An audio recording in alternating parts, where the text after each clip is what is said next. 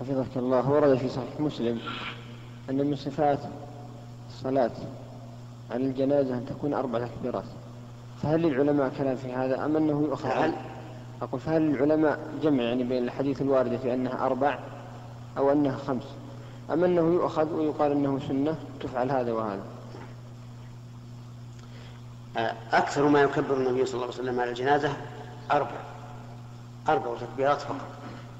لكن ثبت عنه أنه صلى الله عليه وسلم كبر خمسة كما في حديث زيد بن أرقم رضي الله عنه.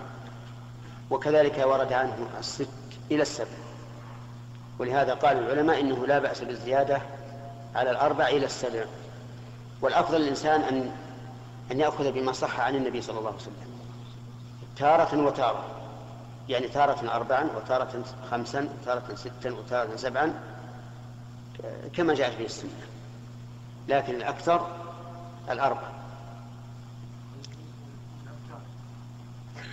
كل شيء ورد به السنة على وجوه متنوعة فالأفضل أن تأخذها بهذا تارة وبهذا أخرى.